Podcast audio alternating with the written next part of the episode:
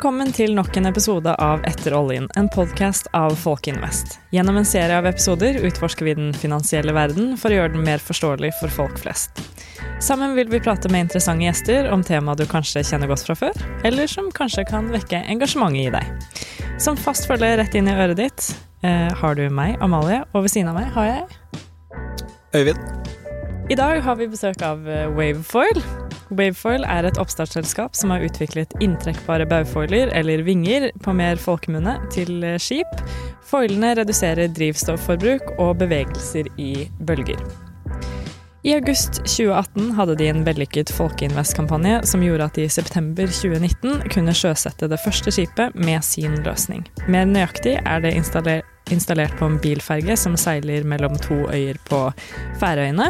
Og etter snart eh, åtte måneder i drift har de oppnådd god besparelse og betydelig komfortøkning for den spesifikke fergen. I april 2020 ble således den andre båten med Wavefolds produkt sjøsatt, en hybrid katamaran som skal seile med turister i Lofoten. Tilbakemeldingene fra prøveturene har vært strålende, og nå jobbes det på spreng med en leveranse til en båt nummer tre. En ambulansebåt i Finnmark. Altså, vi snakker et ekte gründereventyr. De har jobbet frem forskning fra NTNU til å kommersialisere forskningen. Og det er verdt en applaus i seg selv, tenker jeg. ja, veldig bra. Eh, våre gjester fra Wavefoil er Eirik og Audun. Eirik Bøckmann er daglig leder i Wavefoil. Han tok doktorgrad på NTNU om baufoiler, og fulgte deretter opp med en postdoc-stilling på samme tema. Forskningen viste at konseptet så veldig lovende ut, men det manglet en praktisk løsning. Eirik startet eh, derfor Wavefoil AS i 2016 sammen med medgründer Audun. Audun Yrke er teknisk ansvarlig i Wavefoil. Han er mannen bak inntrekkingsmekanismen som gjør at baufoiler blir aktuelt. Han var student da selskapet ble etablert, og begynte på fulltid i Wavefoil etter at masteren var levert. Per dags dato så har selskapet fire ansatte, og nummer fem begynner i september, har jeg hørt. Så jeg tenker bare nok en stående applaus for Eirik og Audun. Tusen, tusen hjertelig takk.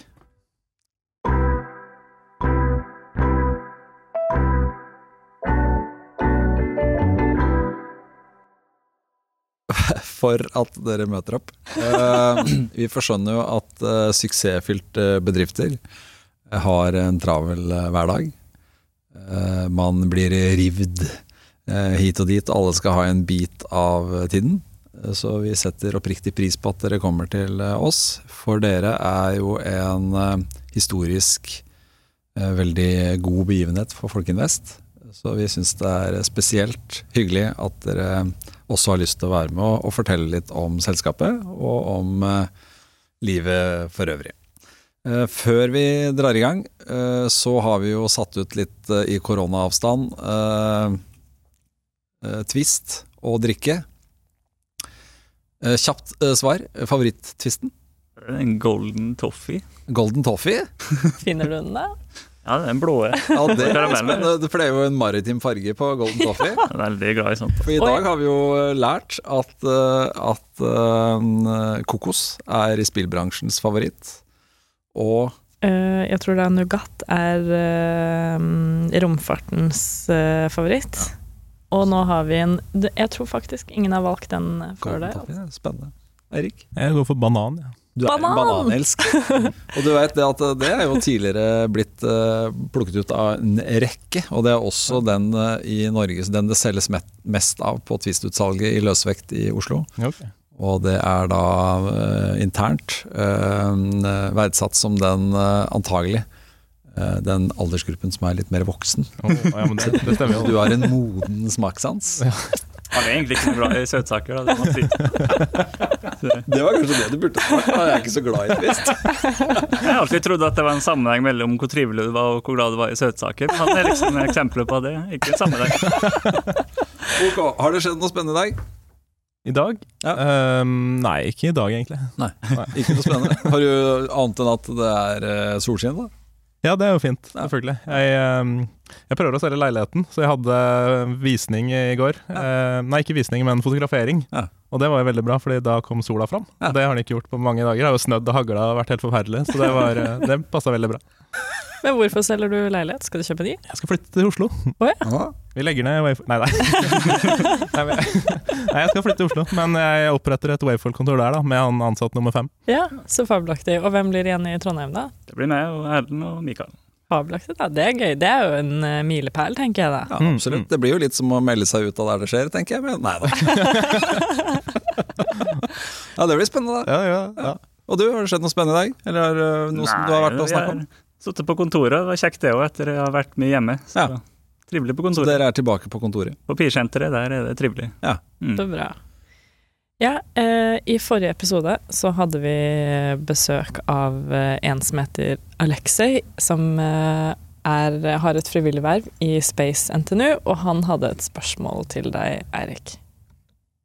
Jeg har alltid interessert meg for det som heter hydrofoil-båter. Altså Hydrofoil er det som på en måte løfter båtene litt oppover ut av vannet, og så minker du friksjon, og så kan du få sånn kjemperaske båter. Eh, og det har liksom gått ned, det er mindre og mindre brukt. Det er vel kanskje USA og Sovjetunionen som brukte det under sin tid, mens nå er det på en måte mye mindre av det. Og ideen til da Wayfoil, er er den veldig bygd på nettopp det hydrofoil-konseptet tidligere, eller er det noe helt nytt? Så det hadde vært veldig interessant å høre om de har gjenbrukt noe av det, eller om det er noe ja, nytt de har kommet med. Det er jo litt eh, et teknisk spørsmål, Eirik, men har du en, eh, liksom, folkelig, et folkelig svar på spørsmålet hans? Uh, ja, jeg har jo det. Um, nei, altså Hydrofoilbåten er jo som man sier en båt som løfter Altså du har vinger under vann som løfter båten ut av vann for å få mindre motstand. Um, konseptet vårt er også vinger i vann, men vi tar ikke mål av oss å løfte hele båten ut på vann. Vi skal bare dempe bevegelsen til båten i bølger. Så hvis baugen vil opp, så holder vi ned, og hvis baugen vil ned, så, så drar vi den opp. Så vi demper stampebevegelsene og egentlig alle bevegelsene i bølger, og så i, i samme i samme prosess så, så skapes en fremdriftskraft da, som gjør at båten trekkes framover. Ja. Så hydrofoilbåten, den, øh, den er smart, men, øh, men øh, ja. Vi, vi har jo noen kamerater som jobber med det flying foil her i Trondheim. De løfter jo skroget helt opp vann, mens vi, vi bare reduserer bevegelsen da, Ja. og sparer drivstoff. Så egentlig er det, det er ulik. Det er et ulikt konsept. Det er et ulikt konsept. Men begge konseptene er veldig, veldig gamle. Eh, og begge eh, Nå husker jeg ikke helt hvor gammel den aller første hydrofoilbåten var, om det var på 1800-tallet eller på 1900-tallet, men det er, liksom, det er rundt der, da. Og første Altså, første båten som hadde vårt prinsipp, den, eh, den var på slutten av 1800-tallet. Så Så artig. det er gamle greier. Nei, tusen takk, Eirik. Jeg tror vi skal hoppe over på neste lille seksjon av eh, programmet vårt. Mm. Eh, I hver episode så ønsker vi at en av våre gjester skal fortelle en eh, artig historie. Om det er et seier, et nederlag, eh, eller hva det skulle være. Og så er dere jo to stykker, og da trekker vi alltid én. Så jeg lurte på, Audun, har du en god historie du vil eh, dele Før vi med begynner våre på historien, så må jeg bare lyttere. opplyse lytterne da, Ja. om at Eirik liksom ladder historien med en banan. Og det, det lover godt, tenker jeg. Nå blir det god Nå gjør han seg glad. Ja, og Send Ja. en banan så han har noen å gå på. Ja, vi, vi lurte jo litt på hva vi skal ta her, da. Jeg innså vel at iallfall for min del så er det kanskje en person folk ler mer av enn meg, da. Det, så det var liksom eh, Hva skal han ta her? Men eh, nei, vi kom fram til at vi kanskje skulle ta en historie fra i fjor. Da var vi på eh, Nordshipping, som arrangeres i Oslo. Svær messe. Kjempesvær shippingmesse, da. Der vi hadde stand og greier. Det var veldig artig. Um, og så den ene dagen da, så, så kom det bort en kar som inviterte oss eh, på et sted i Oslo som heter Tjuvholmen. Jeg vet ikke om dere er kjent der, da. Ja. Ja. Det er vel et sånn rikmannsstrøk, tror jeg vi kan si. Mm. Å ja, vi skulle nå dit. Det som var litt uheldig, da, det var at den dagen så var det tropisk storm. Så at eh, det var Vi ble rett og slett søkkbløte når vi skulle bort dit, og den paraplyen hans holdt jo ikke. Det, den blåste av gårde, så vi når vi ringte på døra i den luksusleiligheten på Tjuvholmen, så var vi helt klissblaute. Vi var liksom helt Vi kunne like gjerne bare hoppet uti et svømmebasseng og Ja, så bare stilt oss på trappa. Det var bare sånn 100 gjennom For det er jo ganske værutsatt plass, da. Ja, Ja, det var, eh, det var Vi skulle ikke langt, vi skulle bare gå fra Nationaltheatret stasjon og ned. Men uh, vi sprang da med den paraplyen og ja, ble helt det, det var, De knakk jo sammen når de åpna døra, da. Så det var jo en sånn icebreaker. Det var en veldig bra start på møtet. Det skulle jo liksom være uformelt, og det ble det jo. Så vi var rett inn på badet da og få oss nye klær. det første jeg spurte om, var bare sånn ja, Hei, vi er Wayfoil. Og så bare Eh, dere har ikke noen klær vi kunne lånt fra topp til topp? Nå var det jo sånn at den, Deres garderobe var jo litt annerledes enn vår, da, så jeg kom ut igjen med den tighteste buksa og skjorta jeg noen gang har hatt på meg. Så det var jo Ja, det, gjorde. ja, det ble veldig morsomt. Men eh, det ble en artig kveld, og vi satt og prata med dem lenge. Og, Mm. Nei, Jeg det vet, ble, helt, eh, jeg vet ikke helt hva vi gjorde der, egentlig. Nei, vi ikke forstått det.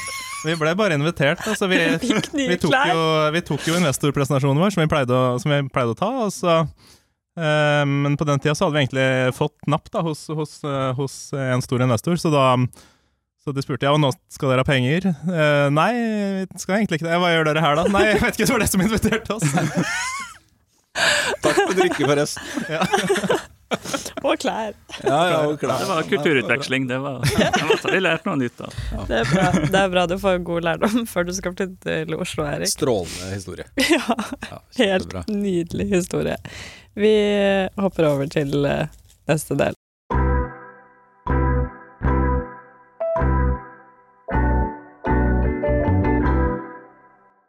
Og neste del er jo det vi kaller faglig del. Og da snakker vi litt om uh, faget, og det er jo da i kontekst av eh, deres selskap Wayfoil og kapital og penger og finans på et folkelig nivå. Eh, og for å få til det, så må jo først folk eh, forstå hva dere eh, holder på med. Eh, og nå har vi jo nevnt litt, men for å liksom sette av gårde den faglige delen, si litt hva Wavefoil eh, prøver å få til, eh, jobber med. Mm. Ja, det ble jo sagt i starten, men vi leverer altså inntrekkbare vinger til skip, som installeres helt fram i baugen. Som reduserer bevegelsen i bølger og sparer drivstoff. Ja. Ja, rett og slett. Det er jo en gammel oppfinnelse som Eirik sier. da, det er jo mange patenter og mange gamle forslag, men det har liksom blitt kommersialisert, da, for det har ikke vært en praktisk løsning. Ja. Så nå ser det ut som det begynner å løsne, så det er kjekt. Så forskjellen fra før er at dere har eh, klekt ut en praktisk løsning. Ja, Mm, For å mm. ta dem inn i skipet, for det er rett og slett veldig upraktisk med foiler som stikker ut. Eh, Mm. Om det er bare den ene dagen du skal i dokk, da, så er det veldig upraktisk, for Mm. eksempel. Eh, bra. Så da har vi eh, konteksten, og da forstår vi jo liksom litt av verdisett og alt. Sikkert, tenker jeg. Og lytterne våre vil tenke ok, de prøver å få ned drivstoffforbruk, eh, gjøre det Opprettholde liksom skipsnasjonen Norges aktualitet, bla, bla, bla, bla, bla. Og så spoler jeg noen år tilbake. Det var litt på våren. Eh, og jeg hadde et sånt eh, innlegg en plass. og rundt en av bordene så satt eh, en kar, Eirik. Så kom vi litt i prat, og vi snakket sammen. Og for å gjøre en lang historie kort, så endte da Wayfall opp med å forsøke seg på, var tanken, en folkefinansieringsrunde. Mm.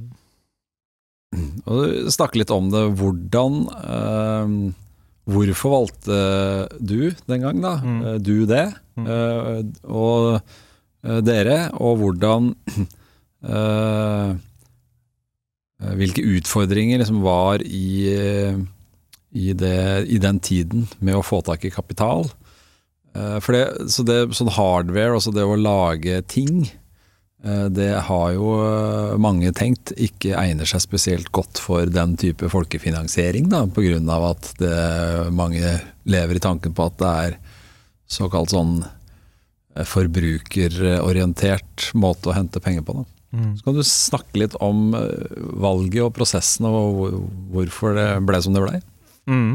Uh, ja, det er jo som du sier, at jeg var på det frokostmøtet det, om eh, Folkeinnen Vest, og så um, ja, fikk jeg veldig sansen for konseptet der, da. Mm. Jeg syns liksom, du la det fram på en god måte om at ja, vi må demokratisere investeringer, og Mm. eh, jeg hadde sansen for alt det der. Og så um, um, ja, så fikk jeg liksom en følelse av at nei, det her tror jeg vi kan lykkes med hvis vi gjør det rett. Hvis vi får presentert det på en god måte, og folk forstår businessideen, så tror jeg folk uh, vil investere i det her. Selv om det er litt annerledes enn det som hadde vært da, til da. Mm. Ehm, og så var det å ja, få med resten av firmaet, da. Og, og det, når det var gjort, så, så var det bare å begynne å planlegge kampanje og Mm. Jeg husker dere snakka med, uten at vi trenger å nevne navn på alle, dere snakka med flere aktører. og, og øh, det var jo flere interessenter for å investere i øh, så det var ikke sånn at det var kall det siste utvei. Det var jo et bevisst valg som dere foretok, sånn jeg husker i hvert fall. Mm, vi hadde hatt noen eh, Vi hadde presentert oss for noen investorer og sånn, men, eh, men det, jeg hadde veldig sansen for det med at man setter et eh, tidsvindu. Her skal det investeres. Mm. At det ikke kan liksom skyves på og trekkes ut. og og da er det liksom klart definert, da. Det likte jeg godt. Ja, for det er jo veldig mange av det, skal vi kalle det tradisjonelle investormiljøet, bruker jo tiden som et uh, kort i ermet for å få ting mer sånn de ønsker å ha det selv. Og det er jo mange bedrifter som syns er utfordrende, da.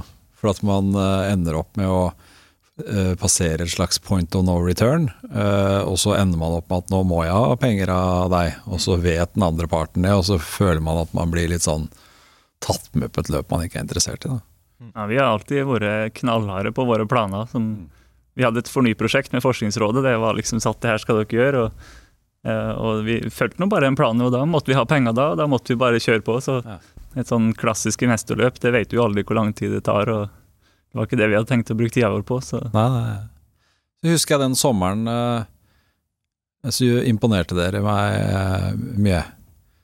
Eh, og ikke fordi nødvendigvis at det var eh, umulige ting dere gjorde, men dere var veldig ivrige på å snakke med folk og snakke med nettverket deres. Dra på messer. Jeg husker vi prøvde å få til noe eh, opplegg som ikke vi fikk til med, i forbindelse med noen messer, men så ble det noen alternativer. Og dere jobba liksom veldig målretta med å snakke, komme i dialog med mange. da.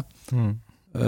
Kan dere knytte noen refleksjoner rundt perioden før dere åpna kampanje? Hva var det dere anså som de viktige elementene for å få det til? Nei, vi hadde veldig god timing. Eh, for vi eh, Det falt sammen med at vi gjorde modellforsøk med en potensiell kunde, da. Mm. Eh, på Tyholt. Eh, så da fikk, vi, da fikk vi mye oppmerksomhet rundt det. Mm. Eh, og jeg fikk noe oppslag i media og kunne på en måte knytte det her sammen da, til en god pakke. Og så fikk vi noe visuelt å vise fram. Det tror jeg var veldig viktig. at Det var, Mm. det gjorde det, ufarliggjorde det egentlig for folk flest. Skjønte med en gang ah, det er det det er. Ja. Mm. Så det idealpresentasjonen ble skapt for en rimeligere penge, gitt at det var eh, så god timing. Mm. Mm. Jeg husker jo det ble en veldig, eh, etter mitt skjønn i hvert fall, en eh, informativ og bra video. Eh, et eh, godt eh, budskap. og, og, og så hadde dere også en del sånn uh, arbeid. Husker mener å huske at dere var i seks aviser eller sånn da, den dagen dere åpna. Så det var, må Mm. ha vært noe Mm. planning og noe Ja da, det. det var jo det. Det var i Finansavisa, Adresseavisa, Te- teknisk Teknisk Ukeblad, tror jeg. Og, ja. Jeg lurer på om det var seks eh, plasser. ja, ok. Ja, det kan sikkert stemme. Og det er jo en dag jeg tenker veldig mange husker, da. Den uh, dagen dere åpner. Det var vel Det var i hvert fall august. Jeg husker Det var ikke helt 24. hvilken- august. Jeg gifta meg samme dato året etter. Så Gjør det? Wow. det er en viktig dag i mitt liv. Du må bare Ja. følge opp med Ja, Jeg lurer ja, på hva du skal 24. august i år. Ja, sant. Men uh, ok, 24. august 2018. Ja. Da åpner dere tegningsvindu i typ tre-tiden, tror jeg det var. Og så fyller eh, det seg med fire millioner på seks timer. Kan dere fortelle noe om Åssen opplevdes det? Ja. Ja, det, var jo, det var veldig artig den dagen der. Det, vi var jo på NTNU Aksel Mm. sitt lokale. Ja. Eh, En inkubator i Trondheim. en inkubator i Trondheim, ja. Mm. Og eh, ja, dere var jo der og eh, holdt innlegg, og du livestreama jo det her til uh, Viden. Mm. Og nei, det var, det var kjempeartig. Og så husker jeg det var litt, som alltid er med PowerPoint, da, så var det jo litt tekniske problemer. ja. Så vi fikk jo ikke opp denne pengetelleren. Ja. Eh, og når vi da endelig fikk den opp, da, så sto det, så sto det vel to millioner på kontoen etter ti minutter. Ja. Og det var sånn, ja, da klarte vi det jo. og så var det liksom bare å ta Audun i hånda, ta noen bilder, og så var det liksom bare ja, begynne å pakke sammen etter hvert. Ja. Eh, og så fortsatte de å strømme inn, og jeg tror innen vi dro derfra, så tror jeg det var nesten tre millioner. Mm. Da tror jeg klokka var sånn fem-halv seks. Mm. Og så gikk vi bort på Solsiden og spiste middag, og øh, Og da vi Ja. Da jeg låste meg inn i leiligheten hjemme, da, halv ti, så var, ja, da var det fullt. Fire millioner. ja. Kult. Ja, det var veldig, veldig Ja, det var kult. Og det er jo helt sånn historisk eh, hos oss, da. Det er den, den kampanjen eh, så langt som har liksom hatt mest sånn, skal vi si da, organisk eh, eh, tilsynelatende tilfeldig interesse fra det norske folk. da. Mm. Mm. Så, men det er jo sånn at det henger jo, så det kom, ingenting kommer av seg sjøl. Så det har jo vært gjort en eh, innsats både av, eh, av alle medvirkende parter. Da. Men det var en kul kveld. Mm. Og så starter jo eh, jobben. Mm. Altså, jobb, det er jo mange som tenker at jobben er gjort når pengene kommer inn. Men kan dere si noe om veien fra, fra dere henta penger på Folkeinvest og fram til i dag? Jeg, jeg forstår at det er jo en lang periode, da, og, og man kan dykke ned i alle detaljene. Men Mm. Mm. Kan dere si noe om altså, verdireisen til de folkeinvestorene som har vært med underveis? F.eks. Hva, var, hva var verdien på selskapet når dere henta penger hos uh, Det var 25 millioner. 25 millioner? Mm. Ja. Mm. Da hadde vi jo, eh, da hadde vi jo eh, produsert Nei, beklager. Vi hadde jo ikke produsert eh, pilotmodulen, som vi kaller den. Den første liksom fullskala foilmodulen vår. Mm. Vi hadde tegningen og sånn klart, Mm. eh, mer eller mindre, men vi hadde ikke, vi hadde ikke begynt å produsere den.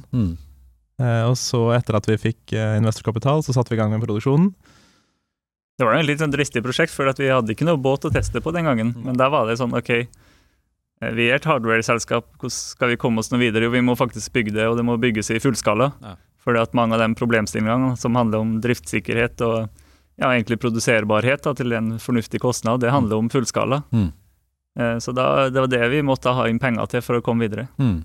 Så vi satte jo i gang det rett etter eh, Folkinvest-kampanjen, og fikk jo fram den, eh, den eh, pilotmodulen, den første fullskala formodulen, som vi hadde en avduking av i, i mars året etter, og Ja. der var vel dere, eller Ja, ja, du. ja. Det var jo kjempeartig. Ja. Så, og den, den er nå installert på den første ferja, da. Ja. Og Mm. det funker kjempebra, så det er veldig artig. Mm. Det var liksom, vi, For å komme noen vei, da, så måtte vi nå bare bygge det, og vi Så da fikk dere bygd det, og så kom dere i, fikk implementert det, og nå har vært i drift en periode? Den Ja, vil du ha piloten. tallene? Vi gikk inn på styringssystemet og sjekka før vi kom, da. Ja, kult. Få høre. For det første så er foilene ute Ja. i, nå.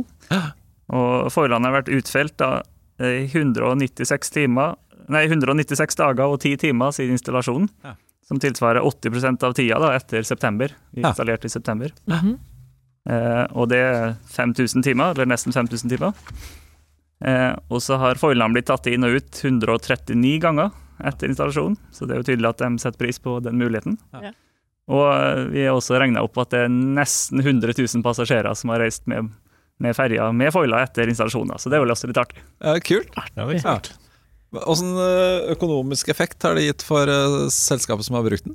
Ja, Det kan vi ikke si, vi kan ikke gå ut med tallene, men det har vært en, eh, en besparelse som ligger tett oppunder 10 da. Så 7-8-9 det, det er alltid usikkerhet med fullskala og tar nok enda lengre tid før du kan si noe sikkert. Men det, du ser eh, Du kan veldig lett si at det er en effekt, da. Eh, Men faktisk det her er jo det statlige færøyske rederiet, så de, de får nå sikkert dieselen gratis. Det de bryr seg om, er jo den komfortøkninga. Mm. For det er såpass dårlig vær der borte at eh, de har pendlere som skal over hver eneste dag, og da setter de veldig pris på at det er en, en stor forskjell. Da. Ja. Så det er hyggelig å kunne bidra med. Har det vært noe vesentlig nedetid og problematikk, eller har det vært Nei, gått på skinner? Det har Nei? ikke vært noe. Vi har bytta noen smådeler, men det har ikke Vi skal teste litt ulike løsninger. Sånn. Ja. Kan du, altså, nå ble jeg bare nysgjerrig. Kan du gjøre liksom reparasjon og fiksing og sånn mens må du under vann og inn, liksom, eller kan du ta alt fra innsiden? Nei, det sånn gjør du fra alt inspeksjonsluker, liksom? kommer over vann når du, det som er liksom av interesse å komme til. Ja. Det er en del av konseptet vårt. Så vi har ei, ei luke på bildekket som står 'foil room', så vi kan gå ned og sjekke da, mens Ja. båten er, er i drift. Ja. Og de aller fleste oppgavene som du skal gjøre der, tar kortere tid enn å åpne den luka, så det er liksom det som er stresset. så, men det skal sies da at vi, vi, vi hadde litt is i magen og hadde en sånn eh, driftstest på Fosen Yard på andre sida av fjorden Mm. etter den avdukinga. Eh, så den sto i sjøen i tre måneder, der vi gjorde alle sånne kall det barnesykdomstester. da. Vi kjørte en 500 ganger opp og ned, og vi testa og bytta og styra. Og det var noen lange, kjipe dager, må vi innrømme. Men da var vi liksom så forberedt som det kunne bli. Så når vi det var plug and play på Færøyene, Mm. rett inn, og alt Mm. funka bare strålende. Så det var Har de, fått muligheten, har de fått muligheten til å bestille og kjøpe mer, eller er det sånn at de har en testperiode som varer så og så, så lenge, og så tar de en vurdering på hvordan de skal De har jo, de har jo flere båter, da. Ja. Så, uh... Dere håper? Ja, jeg ja, tenkte tenkte jeg skulle ta meg en sånn PR-tur til Færøyene, Ja. men så har jeg blitt stoppa av koronasituasjonen. Ja, ja. Men nå leste jeg at kanskje det åpner for innenriks... Eller altså i Norden Mm. 15. juni. Ja. Og Færøyene er jo i Norden. Ja. Det er mange som eh, det er mange som glemmer Færøyene, Ja. men eh, de er ofte ikke liksom med på kartet engang. Men, eh, men, Men nå de- er jo blitt tatt inn i sånn ja, fotballiga. Nå har de fått mye oppmerksomhet, så det er jo litt kult. da Ja, det, det er eh, bra. Ja. Men mm. tilbake til reisen, da. Altså, hvordan har dette sett ut for de som har kjøpt aksjer i 24. august og fram til nå? Har det vært noe har positiv en, utvikling? Vi har hatt én emisjon etter det, Ja. i juni 2019. Ja. Eh, og da Vi skrev jo i Folkeinvest-kampanjen at ja, ved neste emisjon da skal vi ha produsert pilotmodulen og testa den. Mm. og da, er verdien, eh, da vil verdien være 40 millioner. Mm. Ja, og Da hadde vi på en måte ikke noe valg, da, når vi hadde gjort som vi sa vi skulle. Så da, da var verdien 40 millioner da, i neste Mm. emisjon. Mm. Altså det var greit, og da, da mm, gikk vi til eksisterende aksjonærer eh, og fikk ja, ca. en tredjedel av de som hadde investert i 2018, som investerte på nytt i 2019. Ja. Eh, og så fikk vi eh, noen eksterne også, Mm. eh, så til sammen så henta vi inn 9,2 millioner i juni 2019. Dæven bra. Mm. Så det, det er veldig godt. Da, da har man en solid buffer å, å, eh, å gå på, så det, Mm. det er bra. Mm. Da fikk vi også med styreleder i DNV GL som, eh, som en litt større aksjonær. da. Mm. Men Det var jo kanskje det vi ikke fikk når vi gikk inn for Folkeinvest-kampanjen i første Mm. omgang. Mm. Vi mangla han store som kan dra oss videre. Ja. Så det har vi fått nå. ja, det er jo litt sånn greit mot uh, senere runder òg, kanskje. En sånn der det ofte stilles krav om en sånn lead investor, f.eks. Og Mm, mm. Så det skal ut på det andre uten at det skal bli for komplisert. da Snakke med de som investerer større beløp i en senere fase, så er de jo opptatt av å ha noen som kan følge opp investeringen på sine vegne. Mm, Det, det mm, kaller de en lead-investor. da mm, Vi har også med oss co-founder i ryggen, som har Ja. vært investor hele veien. og mm. er også med på ledelse og sånn management. Ja. Så de eh, forsvarte sin posisjon da i fjor. Ja, Mm. Og det er jo en veldig positiv eh, utvikling for investor. Det er jo sannsynligvis aldri noe Dere garanterer vel sikkert ikke at det in the end skal bli eh, gull og lykke, men det er kanskje ikke langt unna. Hva tenker dere? Hvor står uh, Wayfoil om et eh, år? Da har vi forhåpentligvis eh, litt solid salg å vise til. Ja. Eh, vi har jo fått salg allerede. To eh, leveranser til eh, katamaraner. Ja. Eh, da har vi forhåpentligvis litt mer, da. Og eh, Mm. og da begynner verdien kanskje mer å bli, eh, bli satt ut fra ja, resultat og omsetning og sånne ting, da. Mm. Mm. Hvor mye koster en eh, modul? -hmm. Det var fire Eh, standardiserte er fire moduler. størrelser, da. Så det, Det, den minste eh, Du trenger jo ikke å si det hvis ikke man kan si det, men det, det er jo lyttere her. eh, Skal vi si det? Nei, skal man det, da? Ber om et tilbud, så skal du få til det. Det er bare Kommer sikkert litt an Eh, på type båt og hvor mye det skal jobb som må gjøres for å sette inn og sånn sikkert også. sikkert. Men hvis de skal ta kontakt, så kan de sikkert finne kontaktinformasjon på kom. .com. Perfekt. Nydelig. Følg oss gjerne på Facebook og LinkedIn også. Det er bra, det. Ble det for kommersielt? Det var YouTube og Instagram. Ja, det stemmer. Nei, det var eh, så, såpass må til, tenker jeg da. Nei, men eh, bra. Jeg tror vi skal hoppe videre til neste. Nei, jeg har et spørsmål Ja, til. da, okay. Og for det er det faglige mener jeg er et viktig spørsmål. Altså, hvis dere skal gi eh, bedrifter et eh, råd eh, når de skal hente inn kapital i ultratidlig fase Mm. La oss kategorisere den første runden som veldig, veldig tidlig fase. da. Mm. Hva er tipset? Det må jo være bruk Folkinvest. Ja, det er hyggelig at du sier det, men hvis man bruker Folkinvest, da? Hva er tipset hvis man bruker Folkinvest? Ja, eh, nei det er jo å ta den pengeinnhentingen seriøst. Mm. Og eh, tenke at ok, nå gjør jeg det her én gang, liksom. Du har bare et forsøk på å gjøre det ultratidlig for det selskapet, da. Mm. Gjerne. Så da må du forberede deg godt, og Mm. lage en god video, og få fram uh, milepæler, hva du har gjort, hva du skal oppnå, Mm. eh, og så videre og så videre. Ja, det, jeg tror det, videoen er viktig. Det, Ja. Folk er litt sånn utålmodige i dag. Du ser bare videoen, og hvis ikke den er interessant, så les et stykke mer. da. Har dere brukt videoen eh, etter kampanjen? Nei. Ja, vi har lagd nye. Så Vi vi, nye. Ja. Ja. For det ser vi mange kunder som eh, får nytte av video, så du kan bruke den eh, i en god periode etter kampanjen da, Altså hvis de liksom er å ha presentasjoner eller sende til arrangement og Mm. på scenen her og der, så kan det liksom Mm. være nyttig. da. Ja, det- vi, vi er glad i video, så vi, Vi fikk en fin video fra Færøyene, blant annet, Ja. som, vi, som vi brukte en del. Og Ja. ja. prøver å legge ut litt video Ja. jevnlig. Men der er jeg ganske flinke, altså. Ja. Ja, dæven, det vil jeg si. eh, Og det som kanskje jeg eh, som en sånn ekstern syns er aller mest eh, bra, er frekvens. Ja. Dere har liksom en fornuftig frekvens, da. Det er noe nytt, eh, men det er ikke sånn at du har glemt det. Så der syns For meg så treffer det perfekt. Enig. Ok, da var jeg ferdig. Nei, men jeg tok en annen ting som kanskje er et tips, da. Å ja. Vi har et Gi tips. meg Bertil. tipset.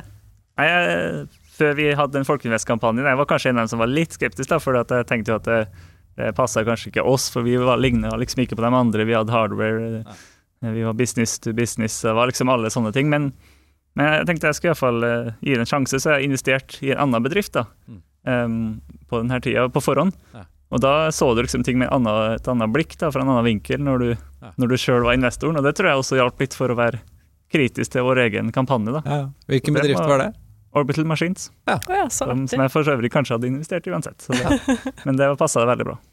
Og da har jeg fått og det, ja, veldig masse erfaring fra den biten. da, som jeg, Nå kan jeg forstå hvordan det er fra dem side til oss. da. Ja.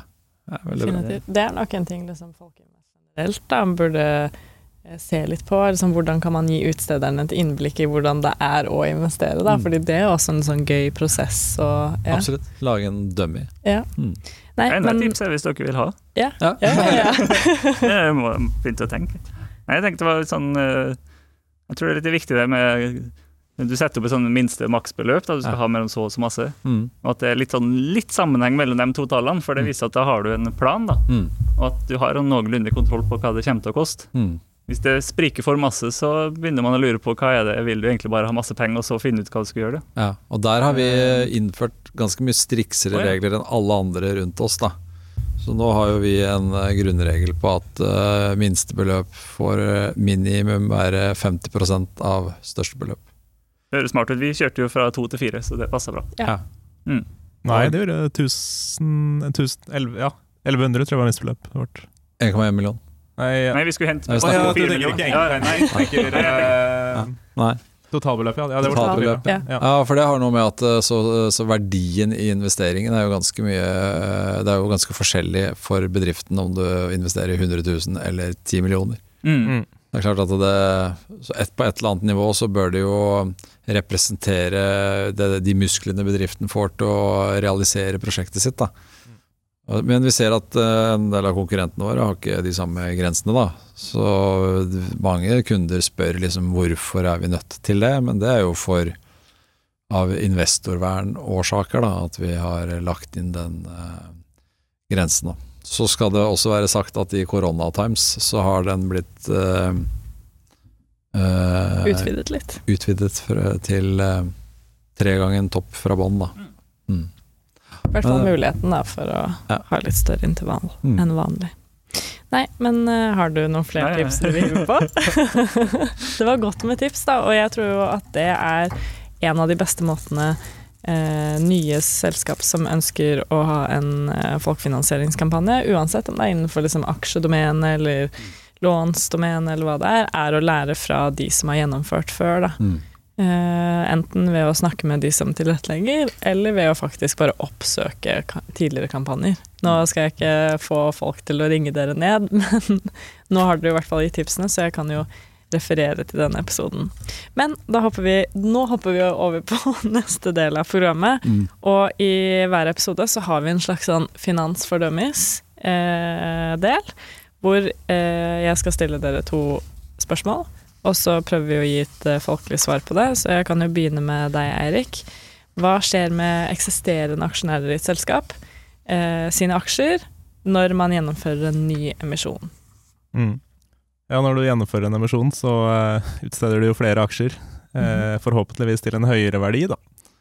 Så, uh, så hva skal jeg si, andelen, hvis du ikke kjøper noen nye aksjer, så går jo din andel i selskapet ned, eh, mens eh, verdien på aksjene går jo forhåpentligvis opp, da. Mm.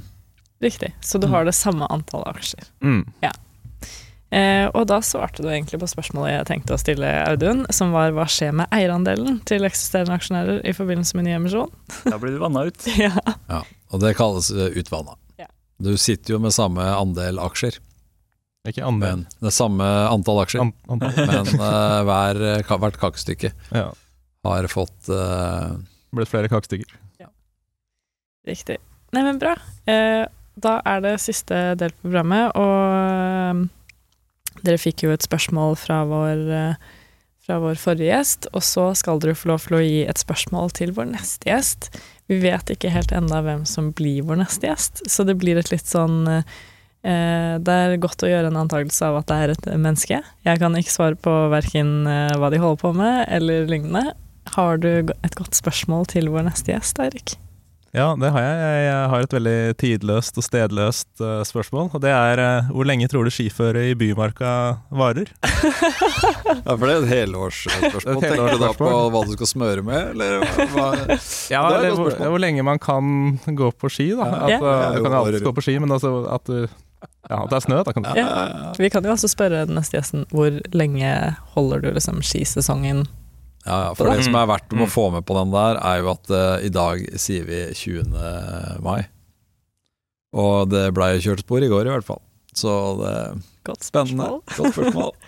Og så som alltid til våre lyttere så kan man da sende en e-post til eh, friminutt at folkeinvest.no eller etter oljen at folkeinvest.no hvis man har spørsmål til eh, fremtidige episoder eller forslag eh, og innspill til gjester. Så det gleder vi oss eh, alltid til å lese. Eh, utover det så takker vi for følget, og vi ser frem til å se det igjen om knappe to uker.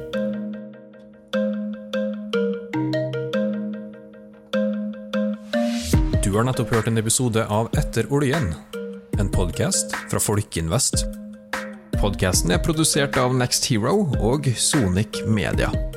Husk å abonnere på podkasten i din favorittpodkast-app, så får du neste episode rett i appen.